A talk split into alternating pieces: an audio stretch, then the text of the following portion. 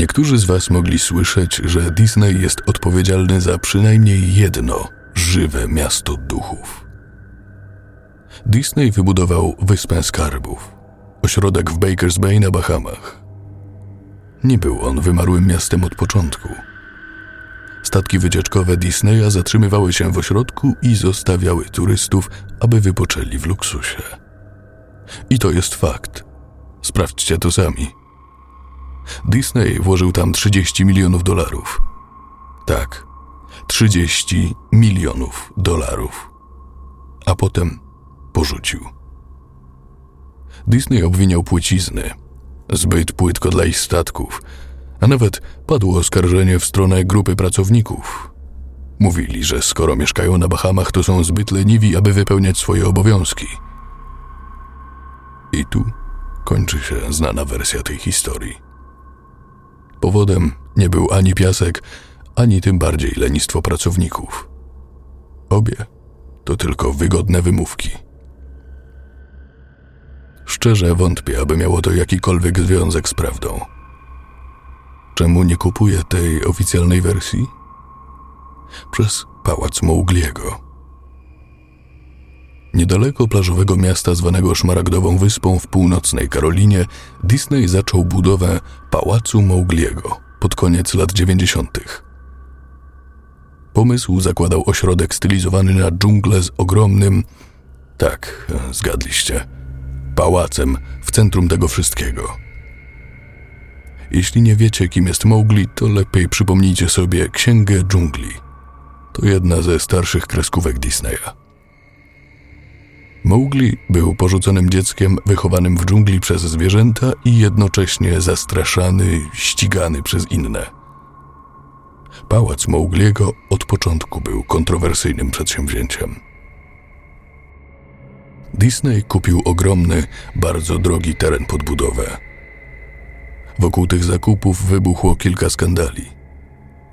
Lokalny rząd twierdził, że to wspaniały obszar na budowę domów dla ludzi, a potem zmienili zdanie i sprzedali wszystko Disneyowi.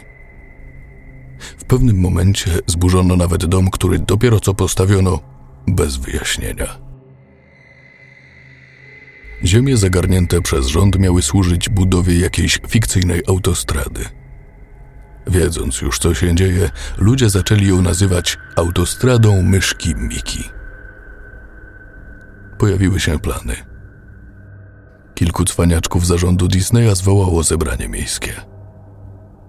Chcieli wmówić wszystkim, jak dochodowy to będzie projekt. Kiedy pokazali plan, ten gigantyczny indyjski pałac otoczony dżunglą z załogą składającą się z kobiet i mężczyzn w skórach z plemiennymi narzędziami. Cóż, wystarczy, że napiszę, że ludziom oczy wyszły z orbit. Mówimy o ogromnym indyjskim pałacu, dżungli i skórach nie tylko w centrum dość bogatego regionu, ale także w jakiś sposób ksenofobicznego na południu USA. Była to dość sporna mieszanka. Ktoś z tłumu chciał wejść na scenę, ale szybko wyniosła go ochrona. Zdążył tylko połamać jedną z tablic na kolanie. Disney właściwie to samo zrobił z tą społecznością. Złamał ją na kolanie. Domy zostały zrównane z ziemią. Ziemia oczyszczona i nikt nie miał w tej sprawie nic do powiedzenia. Lokalna telewizja i gazety były przeciwko ośrodkowi od początku, ale jakieś chore powiązania marketingu Disneya z miejscowymi dały o sobie znać i wkrótce media zmieniły zdanie. W każdym razie, Wyspa Skarbów, Bahamy. Disney utopił w tym te miliony, a potem olał. To samo stało się z pałacem Mowgliego. Ukończono jego budowę.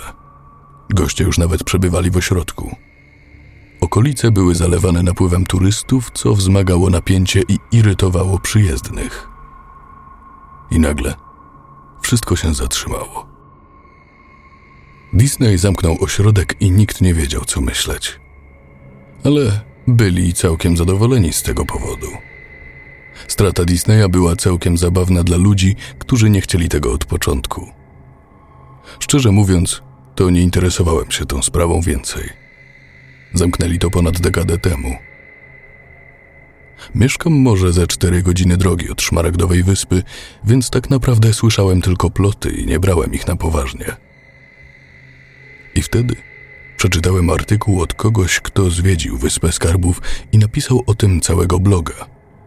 O wszystkich popierdolonych rzeczach, które tam znalazł. Rzeczy po prostu zostawiono. Wyposażenie roztrzaskane, powycierane. Prawdopodobnie wszystko zniszczone przez rozgoryczonych pracowników, którzy stracili swoje posady.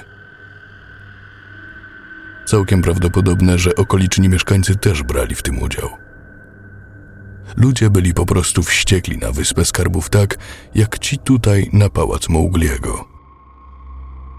Dodatkowo krążyły plotki, że Disney wypuścił wszystko ze swoich akwariów do pobliskich wód, gdy zamknęli ośrodek, wliczając rekiny. Kto nie chciałby na tym zarobić? Zmierzam do tego, że ten blog o Wyspie Skarbów dał mi do myślenia. Mimo, że wiele lat minęło od zamknięcia, pomyślałem, że może być fajnie trochę pozwiedzać pałac Mowgliego. Zrobić kilka zdjęć, opisać swoje doświadczenia i pewnie wziąć coś ze sobą na pamiątkę. Nie powiem, żeby mi nie zależało, ale szczerze to zajęło mi rok, żeby się zebrać i tam pojechać. W ciągu tego roku szukałem informacji o pałacu, a raczej próbowałem znaleźć cokolwiek. Oczywiście żadna oficjalna strona Disneya nie wspominała o tym ani słowem. Wszystko usunięto do cna. Co dziwi mnie najbardziej, nikt przede mną nie pomyślał o napisaniu bloga o pałacu albo o wrzuceniu zdjęcia. Na żadnej ze stron lokalnej telewizji ani gazety nie było wzmianki o tym miejscu. Ale można by się było tego spodziewać. Przecież byli za Disneyem. Przecież nie ośmieszaliby samych siebie. No nie? Ostatnio dowiedziałem się, że korporacje mogą poprosić Google na przykład o usunięcie linków z wyników wyszukiwania, w zasadzie bez powodu. Więc to nie chodzi o to, że nikt nie mówił o ośrodku, ale o to, że ich wypowiedzi są niedostępne. Ostatecznie ledwo znalazłem ośrodek. Wszystko, co miałem, to stara jak cholera mapa, którą dostałem pocztą w latach dziewięćdziesiątych. Była to broszurka promocyjna wysyłana do ludzi, którzy odwiedzili Disney World, a biorąc pod uwagę, że byłem tam w latach 80., to zapewne była bardzo aktualna. Nie miałem zamiaru na niej polegać. Po prostu leżała z książkami i komiksami z dzieciństwa. Przypomniałem sobie o niej kilka miesięcy po rozpoczęciu zbierania informacji, a po kilku kolejnych tygodniach znalazłem ją w schowku rodziców. Ale znalazłem. Miejscowi nie pomogli, gdyż większość przeprowadziła się tu najwyżej parę lat temu, a ci starsi drwili ze mnie i robili niezbyt ładne gesty, gdy tylko pytałem, gdzie znajdę pałac.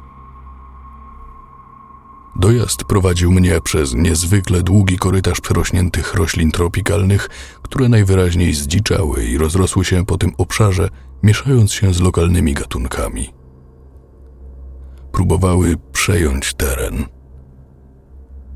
Byłem pod wrażeniem, gdy dotarłem do bramy frontowej. Potężna, monolityczna drewniana brama, której podpory po obu stronach wyglądały, jakby były wycięte z gigantycznych sekwoi. Sama brama w kilku miejscach była podziurawiona przez dzięcioły i przeżarta przez insekty. Na bramie wisiała metalowa tabliczka. Jakiś byle jak odcięty kawałek z napisem wykonanym ręcznie czarną farbą.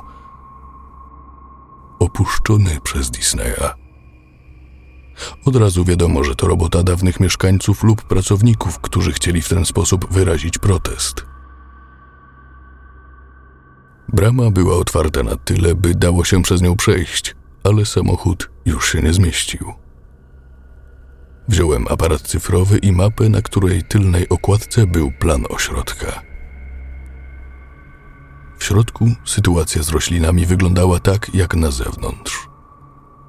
Drzewa palmowe były zaniedbane i stały poszarpane wśród swoich własnych kokosów. Banany tak samo. Wokół pełno fermentujących owoców i owadów. Można to nazwać rodzajem konfliktu między porządkiem i chaosem. Równo posadzone rzędy kwiatów i bylin, a z drugiej strony przerośnięte chwasty i śmierdzące czarne grzyby. Wszystko to, co zostało na zewnątrz, było zniszczone. Gnijące drewno i kawałki bliżej nieokreślonych materiałów. To, co było najprawdopodobniej informacją turystyczną lub jakimś barem, teraz było kupą gruzu. Zniszczone przez wandali, dobite kaprysami pogody. Jedną najbardziej interesującą rzeczą tutaj był posąg Balu, przyjaznego niedźwiedzia z księgli dżungli, który stał na czymś w rodzaju dziedzińca przed głównym budynkiem. Machał powitalnie w zasadzie do nikogo, patrząc w dal z zabawnym uśmiechem, szczerząc zęby. Ptasie odchody pokrywały praktycznie całą powierzchnię jego futra, natomiast na podstawie zadomowiły się winorośle. Podszedłem bliżej głównego budynku, pałacu, i zobaczyłem, że ściany pokryte są graffiti, a oryginalna farba się złuszczyła i odpadła. Drzwi wejściowe nie były po prostu otwarte. Zostały wyjęte z zawiasów i ukradzione. Nad drzwiami, czy też nad tym, co kiedyś nimi było, ktoś ponownie namalował opuszczony przez Disneya. Chciałem wam opowiedzieć o tych wszystkich wspaniałościach, które znalazłem w pałacu. Zapomniane posągi, porzucone kasy, żyjące w tajemnicy społeczeństwo bezdomnych żebraków. Ale nie.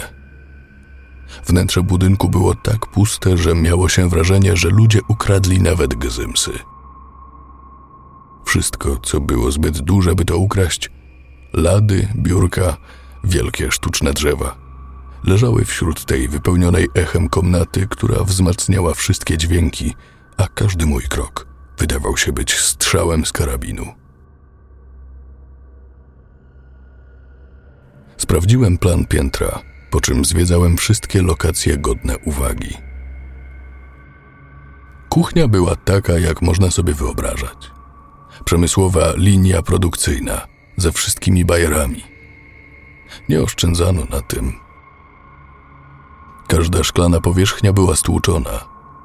Każde drzwi zdjęte z zawiasów, każda metalowa powierzchnia pogniecona i skopana. Całe to miejsce śmierdziało jak stare szczyny. Wielka zamrażarka, teraz ani trochę nie funkcjonująca, miała rzędy pustych półek. Haki zwisały z sufitu. Zapewne służyły do zawieszania mięsa – Przystanąłem na chwilę, bo zauważyłem, że one się bujają. Poruszały się losowo, a ich ruchy były tak wolne i małe, że praktycznie niemożliwe do zauważenia. Stwierdziłem, że to przez dźwięk moich kroków odbijający się od ścian, więc zatrzymałem jeden z nich ręką, po czym ostrożnie puściłem, ale ten po chwili zaczął znowu się bujać. Łazienki nie były w lepszym stanie niż reszta. Tak jak na Wyspie Skarbów, ktoś celowo rozwalił całe ceramiczne wyposażenie kokosami i innymi przyborami. Na podłodze był jakiś centymetr zatęchłej, zjełczałej wody, więc szybko się stamtąd oddaliłem. Dziwne było to, że wszystkie zlewy, muszle klozetowe i bidety w łazienkach dla pań, tak tam też poszedłem – kapały, ciekły lub po prostu woda swobodnie z nich leciała. Logicznym było dla mnie, że powinni odłączyć wodę już dawno temu. W ośrodku było bardzo dużo pomieszczeń, ale oczywiście nie miałem czasu zajrzeć do wszystkich. Kilka tych, do których zajrzałem, było równie zdemolowanych co reszta i nie spodziewałem się znaleźć tam czegokolwiek. Myślałem, że w jednym z pomieszczeń jest radio lub telewizor, bo wydawało mi się, że słyszę stamtąd jakąś rozmowę. Brzmiało jak szept, ale to pewnie mój oddech odbijający się echem lub znowu płynąca gdzieś woda, a mój umysł płatał mi figle, W każdym razie, wydawało mi się, że słyszę coś takiego. No nie wierzę. Krótka, niezrozumiała odpowiedź. Nie wiedziałem o tym, nie wiedziałem. Twój ojciec ci powiedział. Niezrozumiała odpowiedź lub płacz. Wiem, wiem, że to brzmi niedorzecznie. Tylko mówię, czego doświadczyłem. Dlatego pomyślałem, że coś tam się może dziać, albo co gorsza, kilku włóczęgów się tam zaszyło i pewnie by mnie zadźgali. Znów przy drzwiach wejściowych pałacu zdałem sobie sprawę, że nie znalazłem nic wartego uwagi i tylko zmarnowałem czas. Gdy spojrzałem przez drzwi, zauważyłem coś interesującego na dziedzińcu, co musiałem wcześniej przegapić. Coś, co było warte całego zachodu, nawet jeśli zrobiłbym tylko zdjęcie.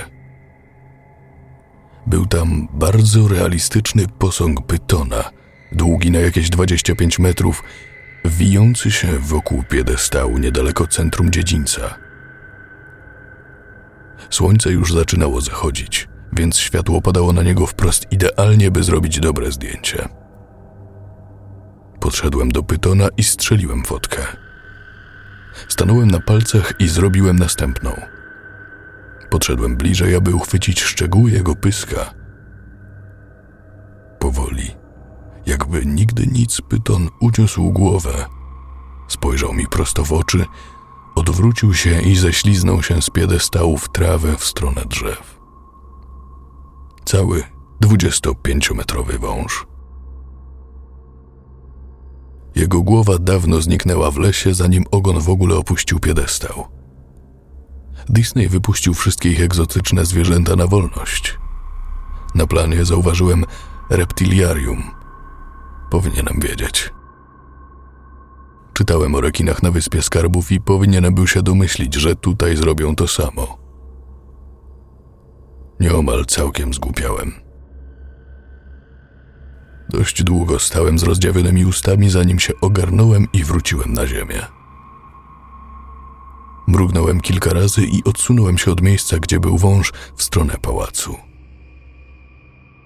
Nawet pomimo faktu, że już go tu nie było, nie miałem ochoty ryzykować i wróciłem do pałacu. Wziąłem kilka głębokich oddechów, wymierzyłem sobie kilka liści na otrzeźwienie. Rozejrzałem się za jakimś miejscem, gdzie mógłbym usiąść, bo moje nogi zachowywały się jakby były z galarety. Oczywiście, że nie było gdzie usiąść.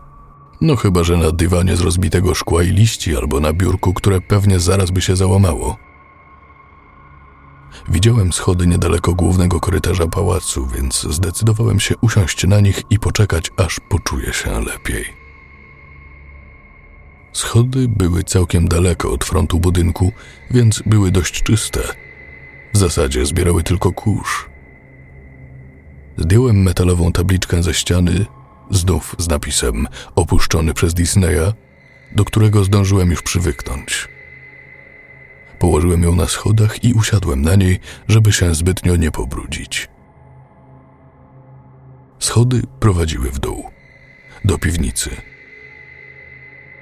Używając lampy aparatu jako improwizowanej latarki, zdołałem dostrzec, że schody kończyły się za metalowymi drzwiami zamkniętymi na kłódkę. Znak na tych drzwiach. Taki prawdziwy znak. Tylko maskotki. Dziękuję. Zebrałem się w sobie z dwóch powodów. Po pierwsze, miejsce tylko dla maskotek z pewnością zawierało coś interesującego. Po drugie, kłódka była na swoim miejscu. Nikt tam nie wchodził. Ani wandale, ani rabusie. Nikt.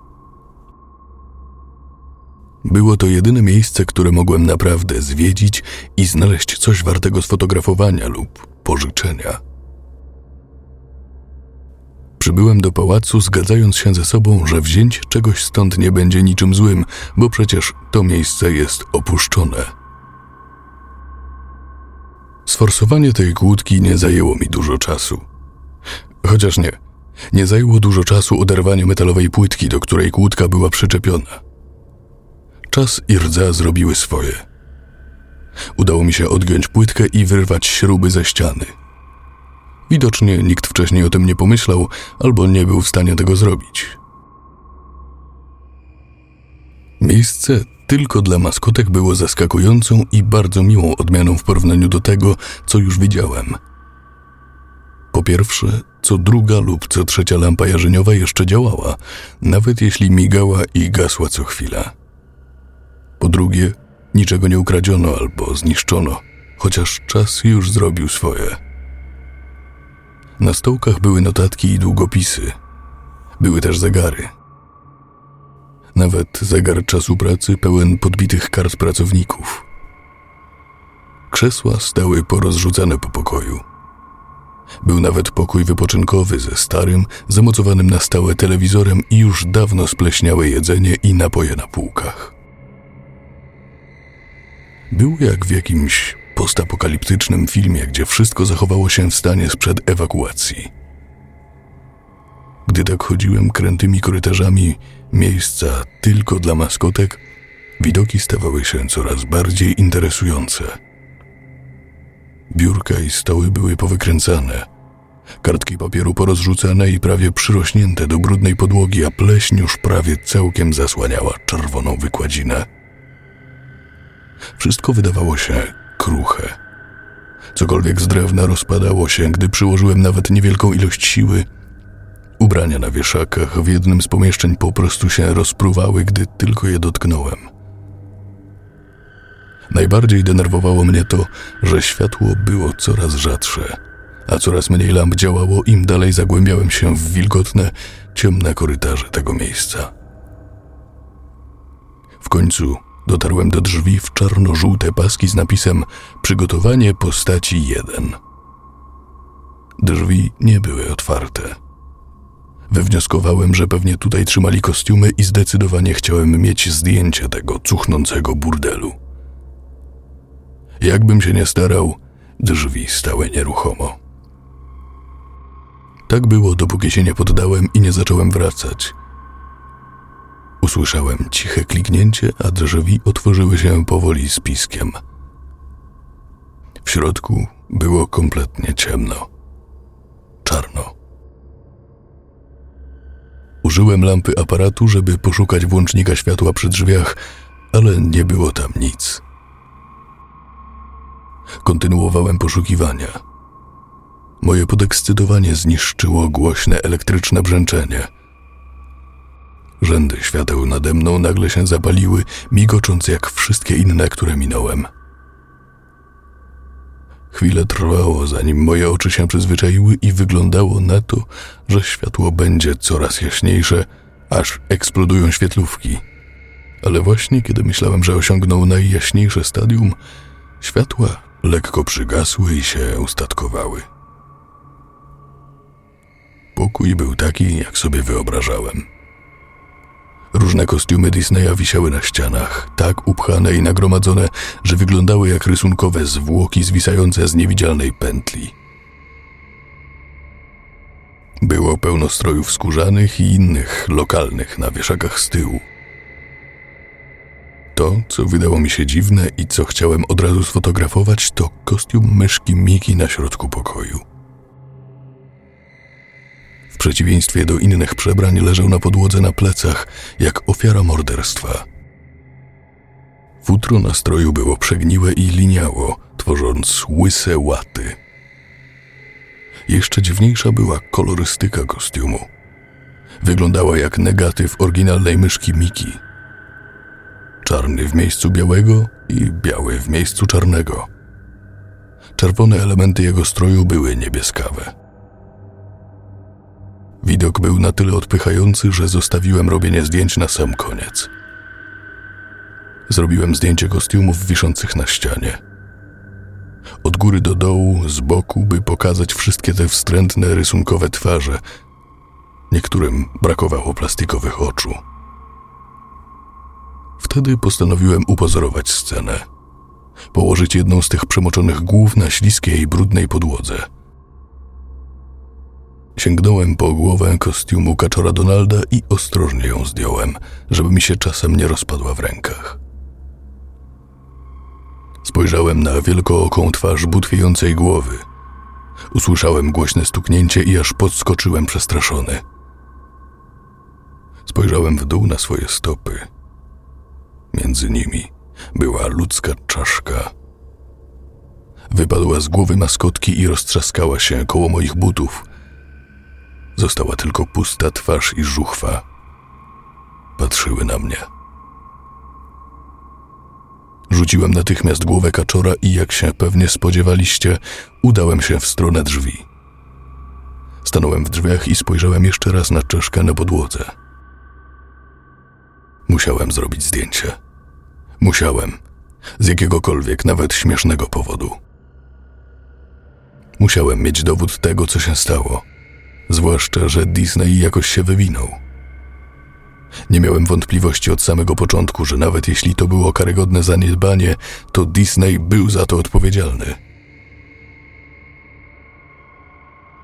Wtedy Miki, jego negatyw, przeciwieństwo Mikiego na środku podłogi, zaczął się podnosić. Najpierw usiadł, potem wstał. Kostium myszki Miki lub cokolwiek w nim było, stało w centrum pomieszczenia. Jego sztuczna twarz była wpatrzona prosto we mnie. Ja tylko mamrotałem w kółko. Nie, nie, nie, nie, nie, nie. Z roztrzęsionymi dłońmi, z sercem, które prawie wyrwało się z klatki piersiowej i nogami, które znów miałem jak z waty, uniosłem aparat i wycelowałem obiektyw w to stworzenie, które teraz tylko na mnie patrzyło.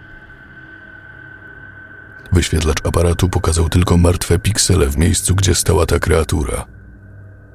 Dokładna sylwetka kostiumu myszki Miki. Aparat trząsł mi się w rękach, rozmazując martwe piksele, mącąc kontury Mikiego na wyświetlaczu. Nagle aparat padł. Był popsuty. Znów spojrzałem na kostium myszki Miki. Chcesz, żebym zdjął głowę? Zaczął sięgać swojej głowy swoimi niezdarnymi, zakutymi w rękawiczki palcami, zaczynając od szyi, szarpiącymi, niecierpliwymi ruchami podobnymi do ruchów rannego człowieka próbującego wydobyć się ze szczęk drapieżnika.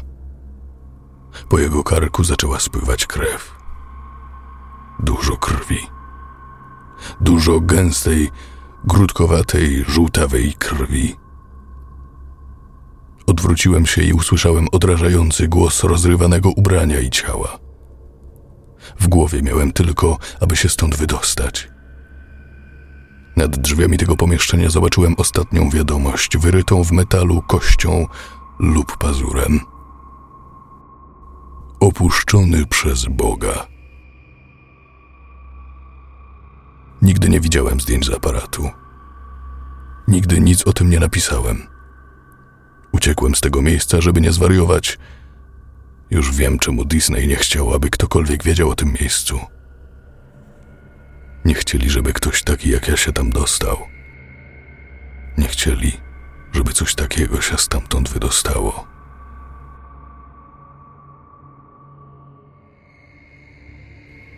Scenariusz Christopher Howard Wolf.